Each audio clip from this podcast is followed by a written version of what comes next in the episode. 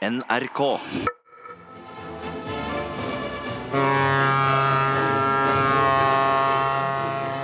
Vi skriver i dag torsdag den 19. desember. Mikrofonen har eh, dratt over fjellet til Bergen for å motta julebåten Stavangerfjord, som kommer fra Amerika med alle våre Hornmusikk og skipsklokker, og reporterne Julius Haugen og Leif Rustad som er i Bergen for å ta imot Stavangerfjord, julebåten fra det store Amerika. Året er 1935, og opptakene er et av de eldste som finnes i NRKs arkiv. Hvordan har de hatt det på turen, da? Utmerket. Aldeles utmerket. Aldeles utmerket. Ikke noe sjø, ikke noe sjøsyke. Å, nei, ikke sjøsyketall. Har det vært eh, mange år i Amerika? 24 år. 24 år i Amerika. Er det første gang du skal eh, hjem til julen? Nei, det er det ikke. Jeg har vært hjemme tre ganger. Tre ganger før. Ja, Det gleder dem selvfølgelig. ja det er sikkert det. Denne gang vil jeg stanse hjemme. Vil de stanse? De vil ikke over igjen. Nei. Hvorfor ikke det, da? Å, for jeg har fått Norge mer kjær enn noensinne før. Ja, Det kan man se. Ute godt, men hjemme best, sier man, ikke sant? Det er sant. Ja.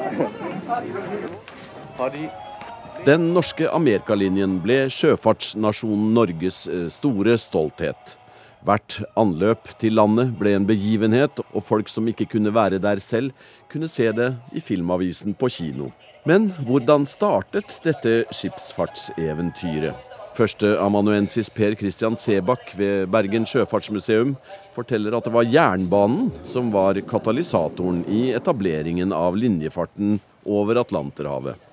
Det som virkelig ga det store eh, påskuddet for, å etablere en norsk amerikalinje tidlig på 1900-tallet, det var jeg, to ting. Det ene er fra 1890-årene i 1895 så begynner man å bygge eh, Bergensbanen. Og Det, for, det forkorter jo reisetiden vesentlig mellom Norges to største byer, eh, Kristiania eh, og Bergen. Og da er det flere, bl.a. en ingeniør som jobber med, med Bergensbanen, da, som ser muligheten at norsk Armerklinikk kan være en forlengelse av Bergensbanen. Vestover. Ja, for de er også en veldig god reiserute for eh, emigranter og andre reisende fra Kristiania-området, som der de fleste eh, kommer fra. Så Det er egentlig en av de viktigste grunnene. Og det andre det er den politiske eh, dimensjonen. For det, har, det å ha en, eh, en det har mye med nasjonal nasjonsbygging å gjøre. Aller fleste land i Europa har på denne tiden en amerikalinje. Norge har det ikke, og faktisk heller ikke eh, Sverige. Og bakgrunnen for det er altså emigrasjonen. Emigrasjon det er, det er hele bærebjelken til denne virksomheten, til denne eh, amerikafarten. Uten, uten emigranter så kunne ikke man drevet eh, ha sånn, sånn, bygget så store skip, så store Nei. passasjerskip. Man må huske på den tiden her, i 1910, folketellingen i USA, så bor det 900 000 mennesker i USA med én eller to norskfødte foreldre. Ja vel. 450 000 er født i Norge. Det bor 2,4 millioner i Norge.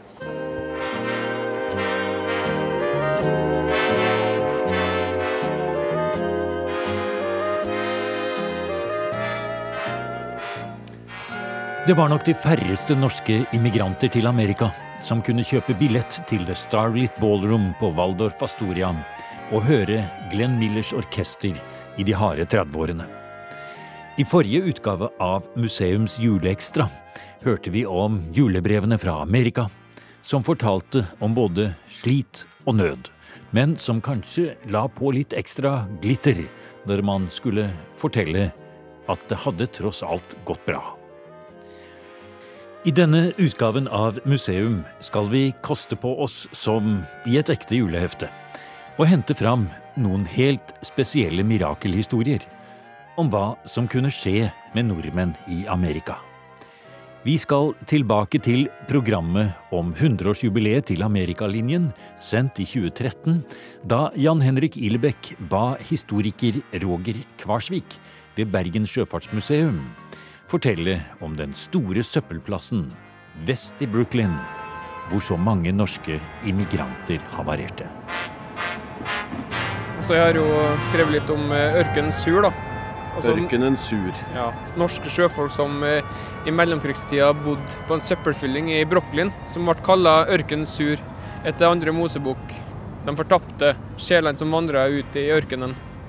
Og det var det en bymisjonær som kom fra fra Gjesdal, altså utafor Det ligger Ålgård i Stavanger. Og det var han som ga navnet Ørken Sur i 1926. Han kom jo over i, i begynnelsen på 20-tallet og for på fritida si ned i slummen og leta opp norske nordmenn som hadde forsvunnet. Så han brukte fritida si på det, og da var han bl.a. på denne søppelfyllinga som fikk navnet Ørken Sur. Og der var det mye eh, norske sjøfolk som eh, rett og slett hadde forlist uh, i livet sine. Altså Ørken Surs historie begynner allerede på 1920-tallet, altså 1921. Da var det jo sjøfartskrise både i Norge og i USA. Og da havna flere sjøfolk på søppelfyllinga. Altså de, de stranda rett og slett. Og så hadde du selvfølgelig noen som hadde problemer med alkoholen i tillegg til at de stranda. Og da var å gjemme seg unna på ei søppelfylling og få bygd noe skur en fin ting å gjøre, da.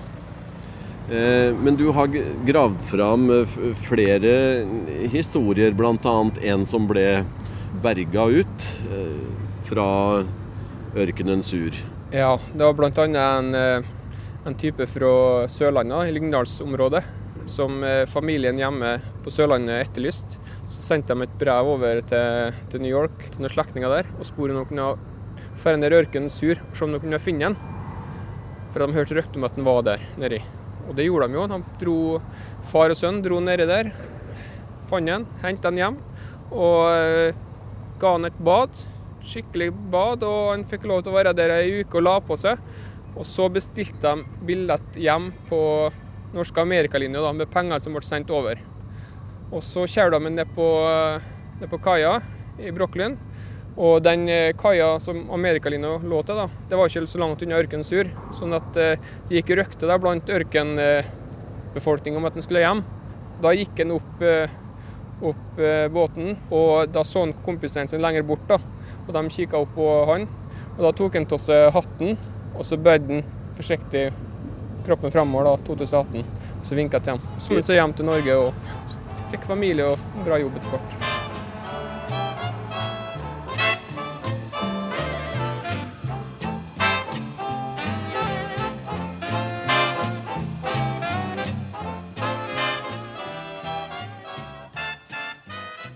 In the Christmas Mood heter denne Glenn Miller-innspillingen.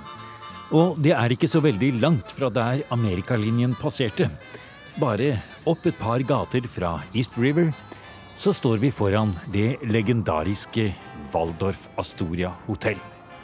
Der finner vi en annen mirakelhistorie fra virkeligheten. Denne gangen skal det handle om en fattig husmannsjente fra Bøverdalen som ble berørt av skjebnens tryllestav. Her oppe har vi toppen av Waldorf Astoria et av tårnene.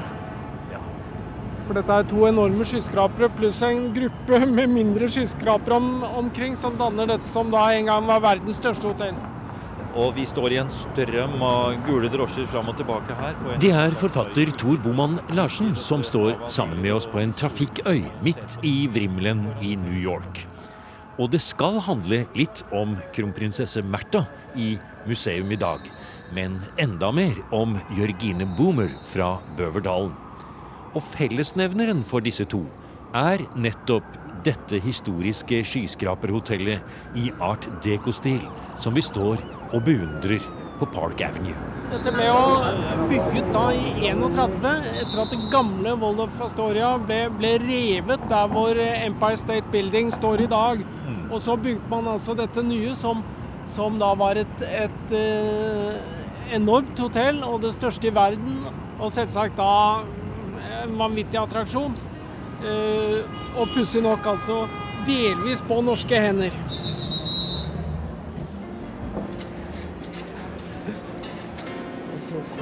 Her er det høyt under taket, her er det eksklusivt. Her er det marmor, dype tepper, store kunstverk. Så vi tar enden av lobbyen her, og så ut til utgangen så er det en fotballbane i full, eh, full størrelse. Ja. Som er her med Jørgine Boomer. Eh, gjennom sitt ekteskap med herr Boomer, som er betydelig eldre, enkemann. Eh, liksom fyller rollen her, ikke, ikke som eh, Ikke som uh, serveringsdame, men altså som selve vertinnen og den drivende kraft. Hun overtar Han dør i, like etter krigen, uh, hotelleieren, og da overtar hun hele driften av dette. Så det er jo i seg en fantastisk beretning om en drivende norsk bondejente. Altså Hun opplevde jo virkelig det vi kaller en klassereise. Fra å være husmannsjente da i en trang, trang fjelldal oppe i Gudbrandsdalen, i Bøverdalen, mm. og så bli vertinne på Voldorf Astoria, som da var eh, tidenes største og mest eksklusive hotell, og dermed fikk en omgangskrets som eh, veldig, veldig få bøverdøler noen gang har hatt og kommer til å få. Forfatter og NRK-mann Arvid Møller skrev boken om Jørgine Boomer i 1988. Møller kjenner lokalhistorien og miljøet ved Elveseter og Røysheim øverst i Bøverdalen godt, og forteller at den lille, laftede husmannsstua på plassen utafor hvor Jørgine vokste opp, fortsatt står der den sto. Bare for å plassere denne husmannsplassen geografisk, så Eh, det er jo en, veldig mange mennesker som kjører denne såkalte nasjonale turistveien fra sentrum i Lom og over til Sogn, altså over Sognefjellet. Mm. Eh, midtveis mellom eh, Røysheim, som jo er dette kjente stedet hvor eh, alle fotturistene gikk ut fra, og Elveseter, det store hotellet hvor Sagastøyla står. Midt mellom der ligger da utafor, på venstre side, og du kan faktisk se den vesle husmannsstua hvis du tar det med ro oppover der. Jørgine kom jo tilbake mange, mange ganger, og hun bygde vel sin egen store praktvilla omtrent på dette stedet? Ja, hun gjorde det. Villa Jotunheim, som hun kalte den, og seinere så bygde hun hel gård, Storhaugen, hvor hun plasserte mange, mange flotte hus, og det skulle liksom være hennes eh, hennes eh, norske tilknytning, da, som det også ble. For vi må jo huske på at da disse reiste, disse to søstrene Mari og, og Jørgine, det var altså i 1903. Mari, storesøsteren, var 17, Jørgine var 15. Og de hadde en onkel borte i Fergus Falls i Minnesota som da mente at de måtte komme dit, for der var det framtid, og slettes ikke i Bøverdalen, mente han. Mm. Og vi skal også huske på at uh, dette var jo en av de store utvandringsbølgene sånn rundt uh, århundreskiftet. Og i Lom kommune, som jo er en liten fjellkommune, der var det mange som dro til Amerika. Men hvis du ser på de forskjellige grendene i Lom kommune, så var det inga grend som sendte så mange mennesker til Amerika som nettopp Bøverdalen. Så disse to jentene, da, de rusla jo først ned til bygdesenteret på Fossbergom i Lom, og så tok de seg med, med kjerre og hest videre til eh, Otta. Toget inn til Kristiania. Båt til Bergen. Ny båt over til Høll. Så for de da med tog over til Liverpool, gikk om bord i amerikabåten. Og der var det 2760 passasjerer, og disse her hadde jo nesten ikke penger, så de bodde da aller nederst i, i båten, på dårligste klasse. Men de kom jo da etter eh, et par ukers seiling over til eh, Ellis Island i New York, der de ble kontrollert om de var friske nok til å komme inn i Amerika, og det var de. Og en kan også tenke seg det at det å skrape sammen 100 kroner som eh, det var snakk om for eh, billett på billigste eh, plass på den tida. Det var ingen spøk. Må huske på at en industriarbeider på den tida tjente fra 20 til 40 øre timen. Det er helt fantastisk. Det er så, jeg, jeg blir helt eh, nesten rørt av denne historien. Mm. For samtidig som jeg nå ser for meg Jørgine på tredjeplass nede i bunnen mm. av skipet, mm. eh, så har jeg et annet bilde mange mange år senere hvor hun reiser mange ganger den andre veien. Ja. På den dyreste luksusklassen og omgir seg med den største luksus og sitter helt øverst. Eh, det er en fantastisk eh, syn å tenke på. For, for Jørgine hadde vel egentlig aldri vært utenfor dette lille området i i, Bøverdalen før å, hun la ut på denne reisen? Å nei da, det var jo veldig dårlige kommunikasjoner på den tida. Og var man født på en husmannsplass eh, høyt oppe i Bøverdalen med Galdhøpiggen som eh, nærmeste nabo, faktisk. Galdhøplatået mm. ligger jo over hele denne grenda og, som en sånn truende og lokkende affære. Mm. Og, og der, eh, der, var hun født, og, og der skulle hun være. Theodor,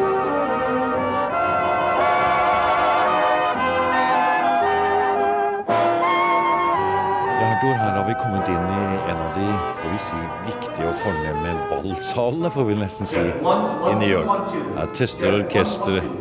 Ja, dette er stedet for de helt store arrangementer. Og entertainere og hva det nå er alt sammen. Vi merket at det er losj. Den norske kronprinsfamilien traff Jørgine Boomer allerede da de var på sin store rundreise i USA i 1939. Og det var også direkte til dette hotellet kronprinsesse Märtha kom med sitt lille følge i august 1940, på flukt fra det okkuperte Norge. Og Jørgine hadde gjort alt i stand i en tårnsuite i 31. etasje på Waldorf Astoria. Prinsesse Astrid som jeg har snakket med, hun forteller jo at eh, Harald fikk sitt eget rom, mens disse to jentene de delte da et rom.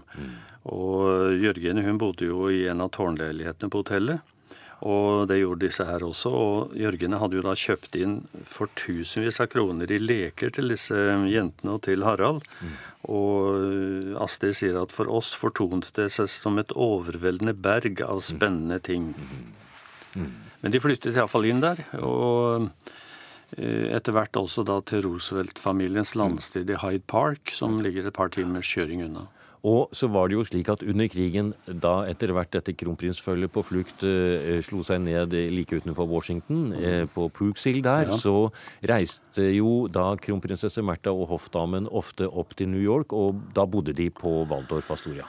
Ja, og det var jo uh, Jørgenes uh, vilje da at uh, Märtha skulle få noen luftehull eh, i New York. Det var jo en tøff tid dette her med krig i Norge, og disse var jo i eksil. Så jeg tror hun Det oppsto et vennskapsforhold der som mange brev og, og, replikker tyder på var ganske tett. Og det var, det var to gode venninner, dette her.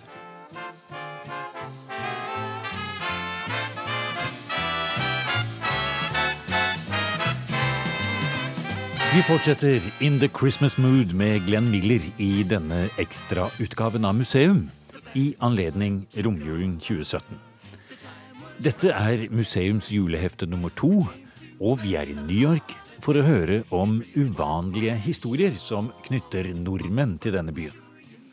Så til slutt skal vi 400 år tilbake i tid.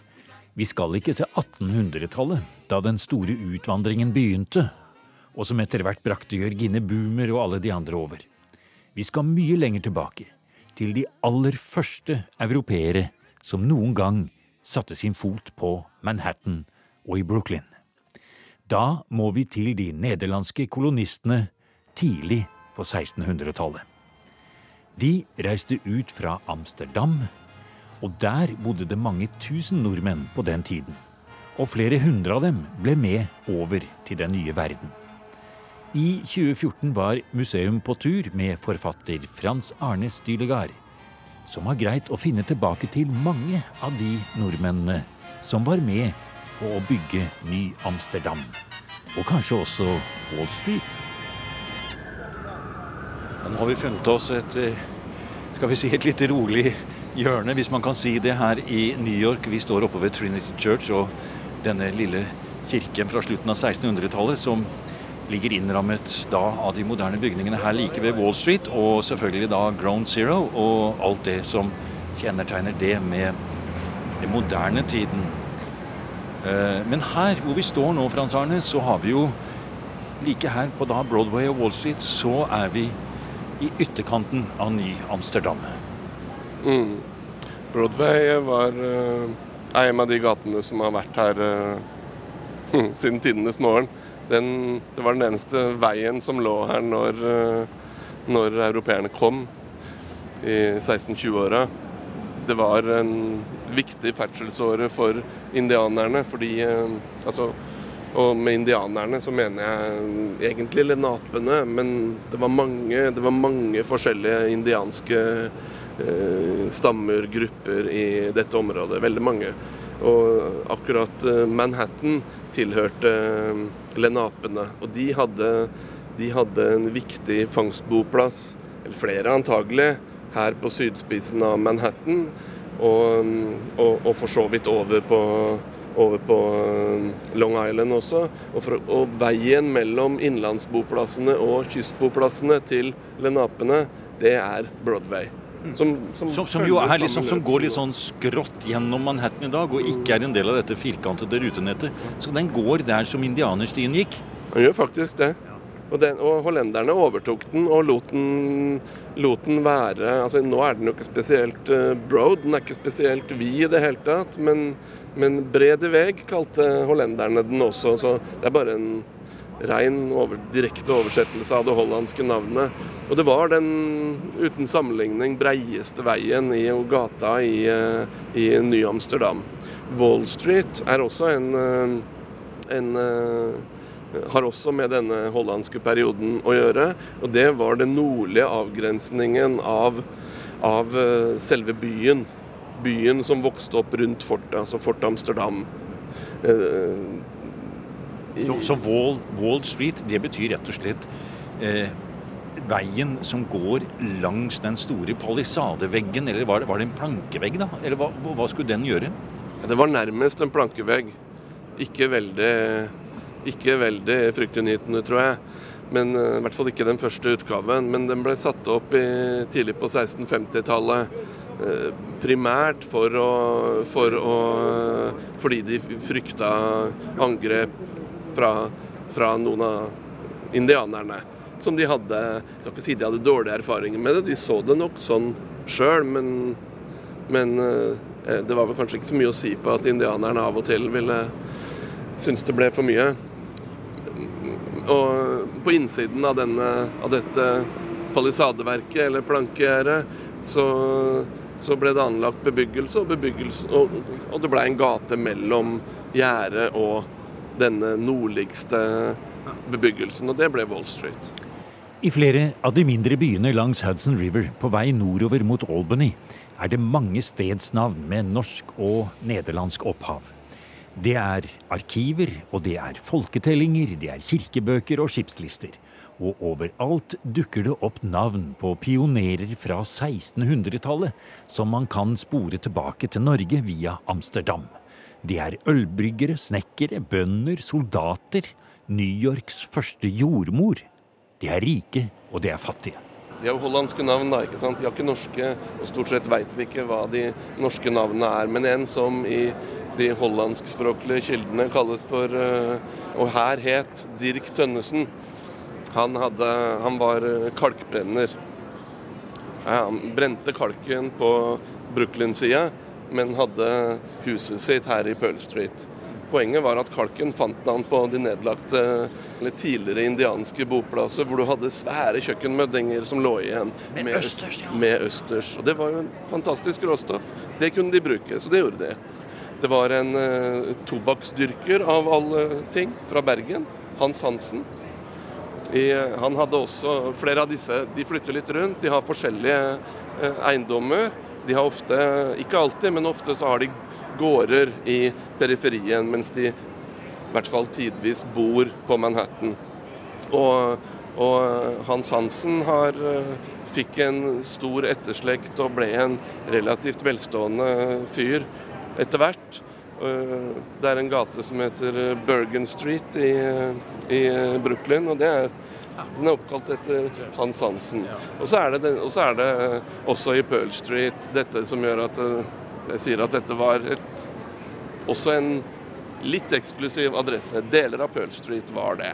De av de norske som fikk innpass der, det er uh, den nære familien til denne Aneke Jans, som er den aller mest kjente av kjente personen ved siden av Stuyvesant i, i Ny-Amsterdam i det hele tatt. Det skyldes noe som skjedde seinere med noen arveoppgjører. Hun kom over i 1630 med mannen sin, to døtre og en søster. Og, og, og mora. Og um, det å komme over i denne kolonisituasjonen hvor det er, uh, hvor det er kraftig overvekt av, av unge menn sant? De skulle bygge opp dette. De skulle ha håndverkere, de skulle ha sjøfolk, de skulle ha øh, bønder. Så stor overvekt av menn. Og denne Trin Jonas, da, som hun het, som var mora til Aneke Jans, hun kom over, ble jordmor.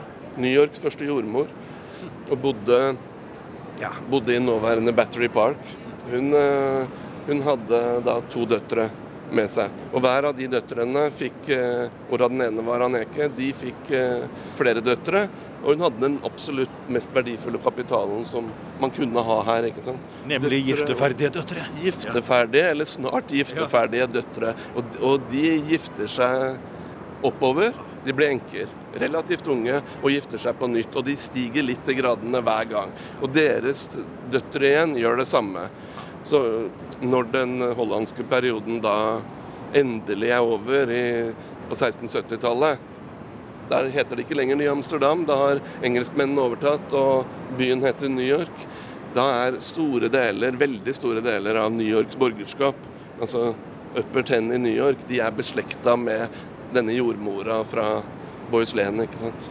Hun var fra det som hollenderne kalte for Masterland, som egentlig betyr Marstrand, men som ikke forteller noe annet enn at hun er fra Boys Lane-kysten. Som var norsk på det tidspunktet. Som var norsk som noen på det tidspunktet. Du har nå hørt en podkast av programmet Museum fra NRK P2. Og send gjerne en e-post til museum krøllalfa nrk.no.